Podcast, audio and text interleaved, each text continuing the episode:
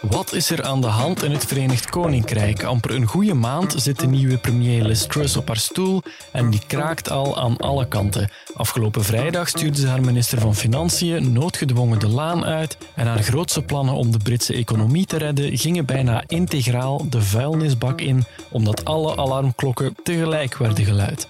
Hoe is het zo snel zo mis kunnen gaan en wat betekent dat voor de toekomst van premier Liz Truss? We vragen het aan Lieve Buijsen, professor Britse cultuur aan de KU Leuven. Mijn naam is Dries Vermeulen. Dit is duidelijk. Duidelijk, de morgen. We are receiving reports uh, hotly anticipated uh, before that the uh, Chancellor Kwasi Kwarteng has been sacked. I've got the list here 45p tax cut, gone. Corporation tax cut, gone. 20p tax cut, gone. Two year energy freeze, gone. Tax free shopping, gone. Economic credibility, gone. And her supposed best friend, the former Chancellor, he's gone as well. They're all gone. So why is she still here?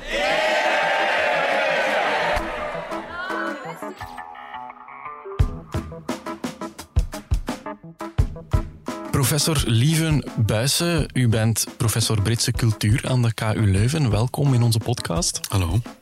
Misschien eerst even voor wie het niet allemaal heeft gevolgd. Er is de voorbije maand heel wat gebeurd in het Verenigd Koninkrijk sinds Liz Truss daar premier is. Zij volgt Boris Johnson op. Dat gaat tot nu toe niet van een leien dakje. Dat is wel the understatement of the year, denk ik dan. Ja, eh, haar premierschap begon met een droevige periode natuurlijk, met het overlijden van Queen Elizabeth. Voor haar, voor Liz Truss, betekende dat wel dat ze een beetje tijd kon kopen op zich, in theorie in elk geval, om niet meteen met de grote maatregelen te hoeven komen.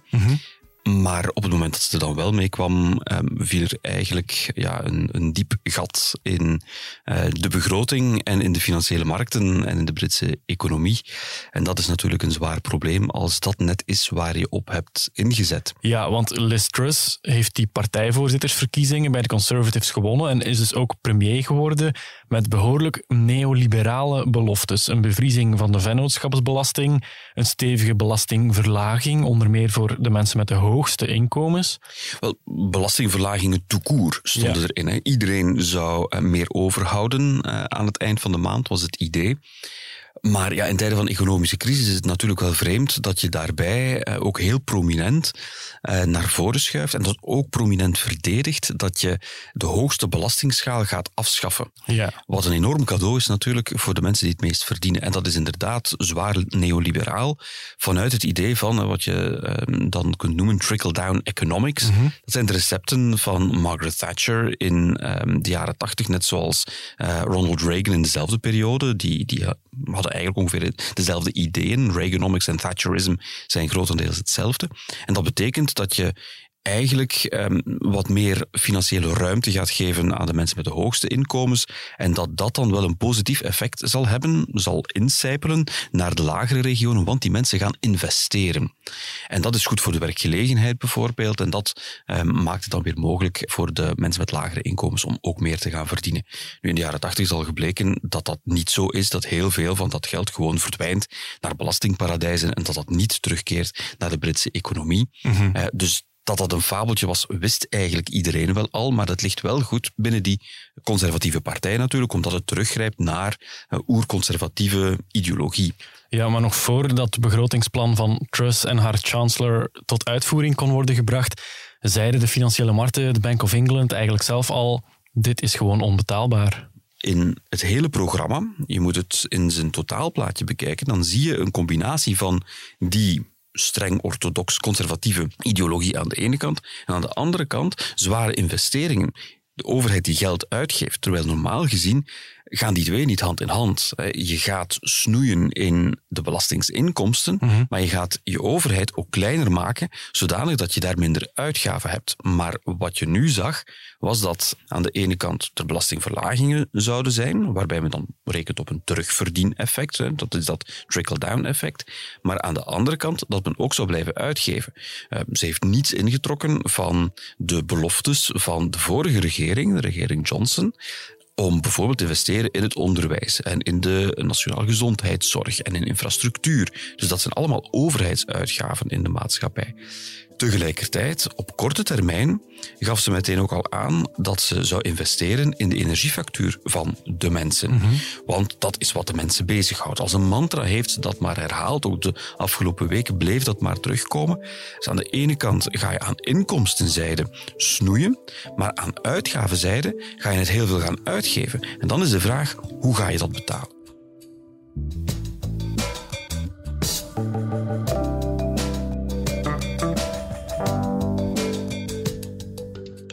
Are you ashamed of what you've done? Are you?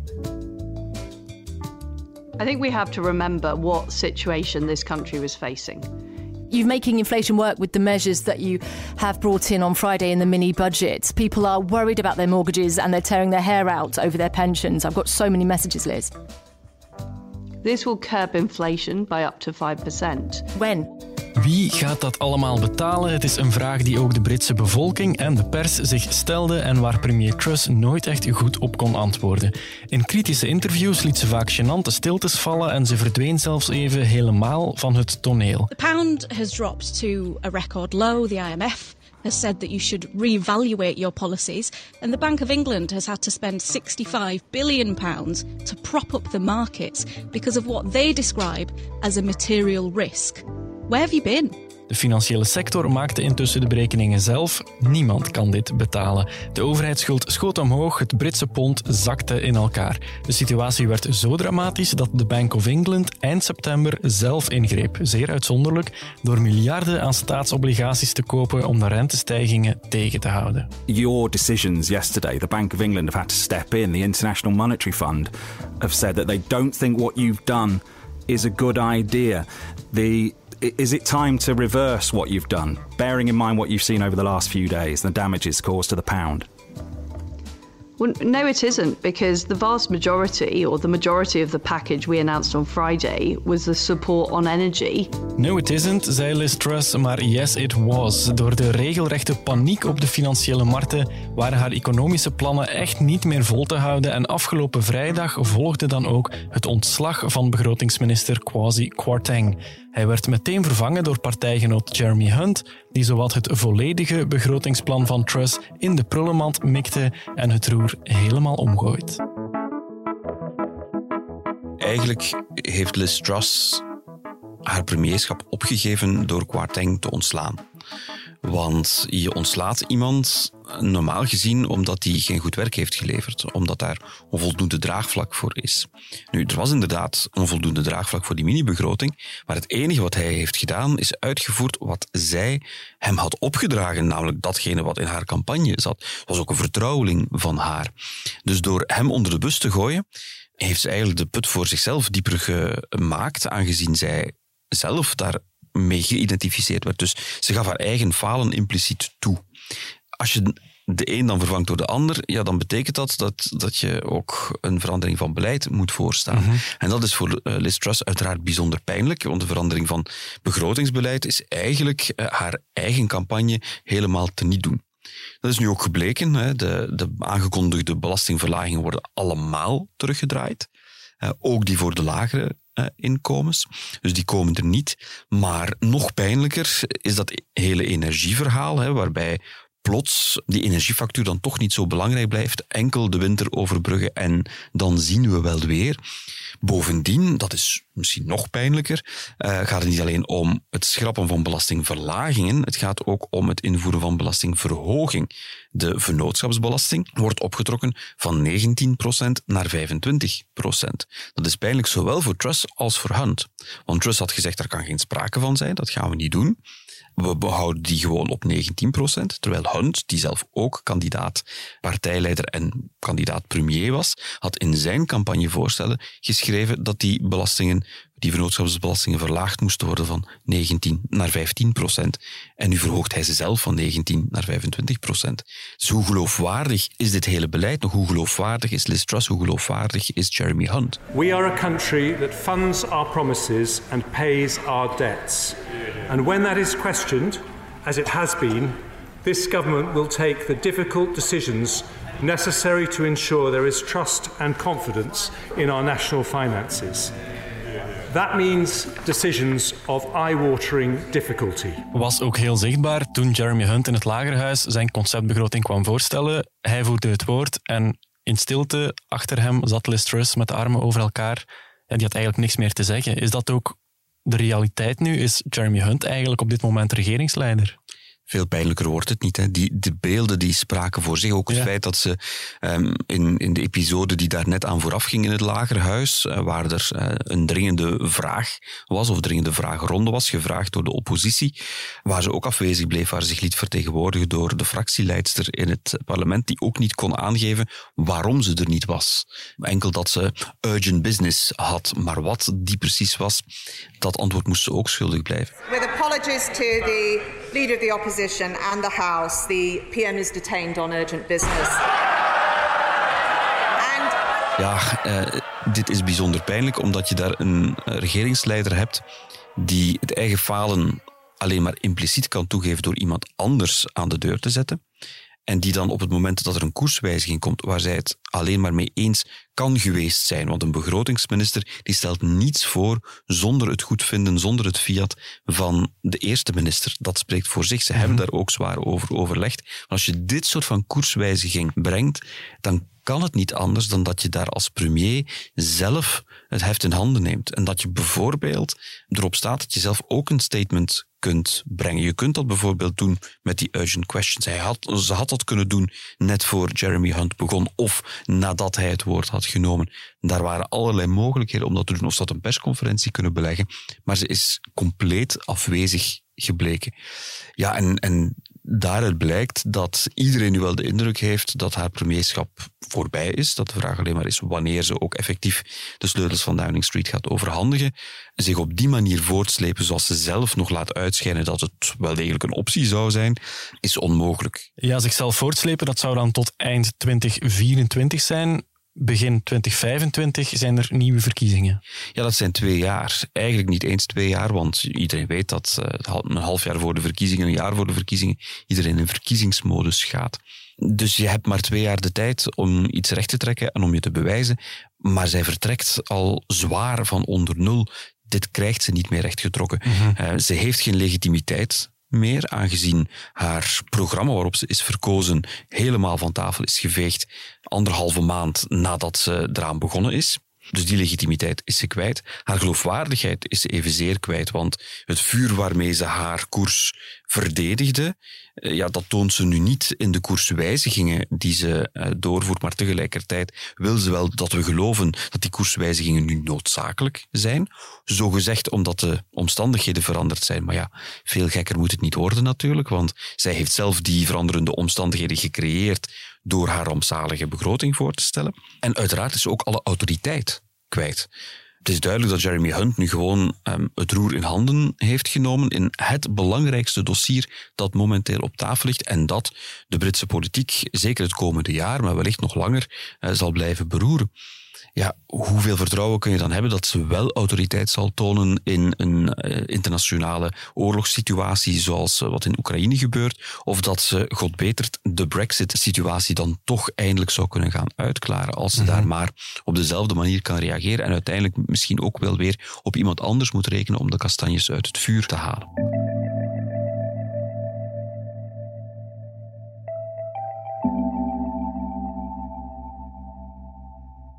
I do want to accept responsibility and say sorry for the mistakes that have been made. Uh, I wanted to act, but to help people with their energy bills, uh, to deal with the issue of high taxes, but we went too far and too fast. I've acknowledged that.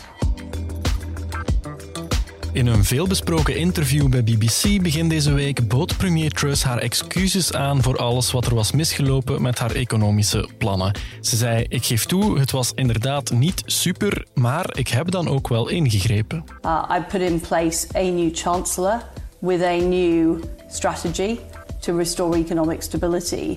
And now what I'm focused on is delivering for the public. Delivering for the public, met andere woorden, als het van Liz Truss zelf afhangt, blijft ze gewoon premier, ondanks de niet meer zo geheime plannen binnen haar eigen partij om haar opzij te schuiven. I'm sticking around because I was elected to deliver for this country, and that is what I am determined to do.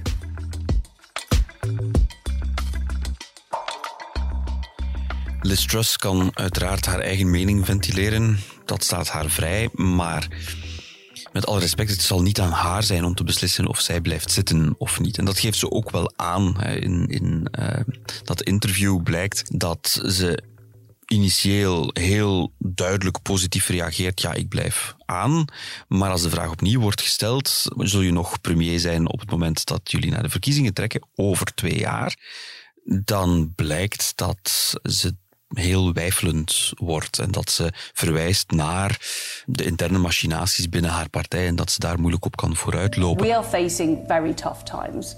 We simply cannot afford to spend our time talking about the Conservative Party rather than what we need to deliver. And that is my message to my colleagues. Zo heel zeker van haar stuk is ze niet.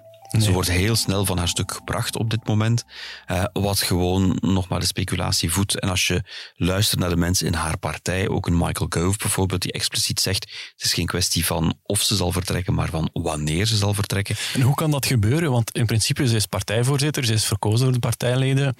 Eigenlijk zit ze stevig in het zadel, maar ze kan wel verwijderd worden als ze dat echt willen uiteraard, dat was met Johnson niet anders. Johnson zat eigenlijk steviger in het zadel, want Johnsons um, belangrijke argument was, ja, ik ben verkozen met een uh, geweldige meerderheid. Jullie hebben die meerderheid aan mij te danken en aan mijn programma en ik wil dat programma verder uitvoeren.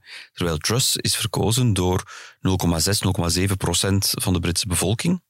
Met andere woorden, haar partijleden, ergens tussen de 160.000 en de 200.000 mensen, op een bevolking van tegen de 70 miljoen aan. Dat is niet veel. Dat is niet veel, dus daar zit sowieso al een potentieel probleem hè, van, van democratische legitimiteit, ook al is dat allemaal volgens de regels, zoals het hoort. Maar met Truss kan dan uiteraard nog meer gebeuren dan wat met Johnson gebeurt. Want Truss is niet eens premier geworden dankzij de Britse bevolking, dankzij de Britse kiezers. Truss is premier geworden dankzij haar eigen partij. Dus haar eigen partij kan haar nog veel makkelijker aan de deur zetten. Hoe kan ze dat doen? Want ik lees toch dat er wat creativiteit aan te pas zou moeten komen voor de partij om Liz Truss nu al opzij te schuiven. Er zijn twee manieren om dat te doen. Eén, uh, ze kan zelf opstappen. Uiteraard, dat zou het meest elegante zijn. Ik denk ook dat uh, redelijk wat conservatieven daar op dit moment op aan het hopen zijn. Dat lijkt ze momenteel niet van plan. Dat lijkt ze niet van plan, maar natuurlijk, ja, op een bepaald moment krijg je wel veel signalen wellicht. Mm uh, ze moet haar plannen ook nog goedgekeurd krijgen, welk plan dan ook, door uh, het lagerhuis en dus door haar eigen meerderheid. Maar twee, andere mogelijkheid is dat uh, het scenario Johnson zich ook voor Truss voltrekt. En dat er een aantal brieven worden gestuurd. Dat zijn een vijftigtal brieven die gewone parlementsleden uit het lagerhuis van haar partij, van haar fractie, moeten versturen naar uh, Graham Brady, die een commissie van de partij voorzit, uh, en waarin ze om haar uh, ontslag vragen. Als dat aantal is bereikt, en de enige die dat weet is Graham Brady zelf, dan roept hij de fractie samen en meldt hij dat. En dan wordt er een vertrouwensstemming georganiseerd binnen de fractie over de premier. Een simpele meerderheid daarbinnen is voldoende om aan te blijven, om, om afgezet te worden. Dus als ze daar wordt afgezet, dan worden er opnieuw eh, partijleidersverkiezingen georganiseerd. Dan start dat proces opnieuw. En ook dat verloopt in twee fases. Eén, iedereen kan zich kandidaat stellen. Elk parlementslid kan zich kandidaat stellen. En dan stemt de fractie intern over die kandidaten. Dat is een afvalrace tot er nog twee overblijven. En die twee worden dan voorgesteld aan weer die ruimere achterban, die 160 tot 200.000 uh, mensen mogen dan opnieuw gaan stemmen. En daar gaat weer een soort van campagne aan vooraf. Ja, dan is de vraag, wie zullen die kandidaten zijn? Hè? Wie, wie wil het nog doen? En wie moet er dan gekozen worden? Want ja, ze hebben eigenlijk nog maar net de verkeerde gekozen tussen aanhalingstekens. Wie zullen de kandidaten zijn? Ja, velen zullen zich opnieuw geroepen voelen, ondanks het feit dat het uh, duidelijk een, uh, een gevaarlijke job aan het worden is. Uh, en zeker geen job is met veel jobzekerheid. zullen velen zich nog altijd geroepen voelen om ehm, hun kans te wagen. mocht ik tot die conservatieve partij top behoren, dan zou ik toch proberen om intern zodanig eh, de zaak aan boord te leggen en mensen te masseren dat je uiteindelijk uitkomt bij twee mensen die naar voren worden geschoven, waartussen je kunt kiezen, waarbij je als partijtop kunt zeker wanen dat het wel los zal lopen, dat het wel zal lukken, dat het mensen zijn die effectief um, hun ambities kunnen waarmaken en die ook voldoende gezag kunnen uitstralen om moeilijke keuzes te verkopen aan uh, de ruimere bevolking. Mm. Acht u het ergens nog mogelijk dat Liz Truss effectief premier blijft tot aan die volgende verkiezingen, of is hij sowieso ten dode opgeschreven? Niets is onmogelijk in de politiek, zeker niet in de Britse politiek, dat hebben we ondertussen al gezien. Maar ik kan me echt niet voorstellen dat ze dit nog lang uithoudt. Um, op zich is het een zielig beeld op dit moment. Is erg om te zeggen, maar dat is wel zo. Uh, het is een tandeloze premier, helemaal het tegenovergestelde van wat ze beoogd had. Dit is niet de nieuwe Margaret Thatcher. Dit is niet de nieuwe Iron Lady. In het beleid heeft ze geprobeerd om uh, haar naar de kroon te steken, maar op zo'n onverstandige manier dat ze mijlenver afstaat van uh, wie Margaret Thatcher was. En als je zo weinig legitimiteit hebt, zo weinig autoriteit hebt, hoe kun je dan nog proberen om het parlement in vervoering te brengen, bijvoorbeeld? Mm -hmm. Ze heeft geen retorisch talent, ze heeft geen oratorisch talent, ze heeft geen politieke feeling, ze heeft geen economische feeling. Ja, wat doet ze daar nog? Je kunt alleen maar hopen, ook voor haarzelf, en dat meen ik oprecht, dat ze de pijn zo kort mogelijk houdt voor haar. Oké, okay. dat is uh, geen mooie boodschap voor Liz Truss, maar u zou wel eens gelijk kunnen krijgen. Professor Lieve Buijsen, hartelijk dank voor dit gesprek. Graag gedaan.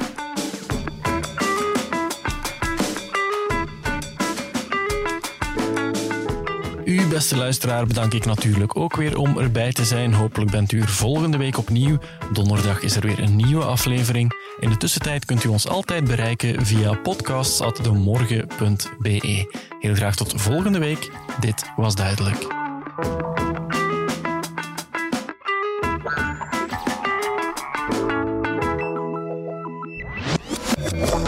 Duidelijk. De morgen.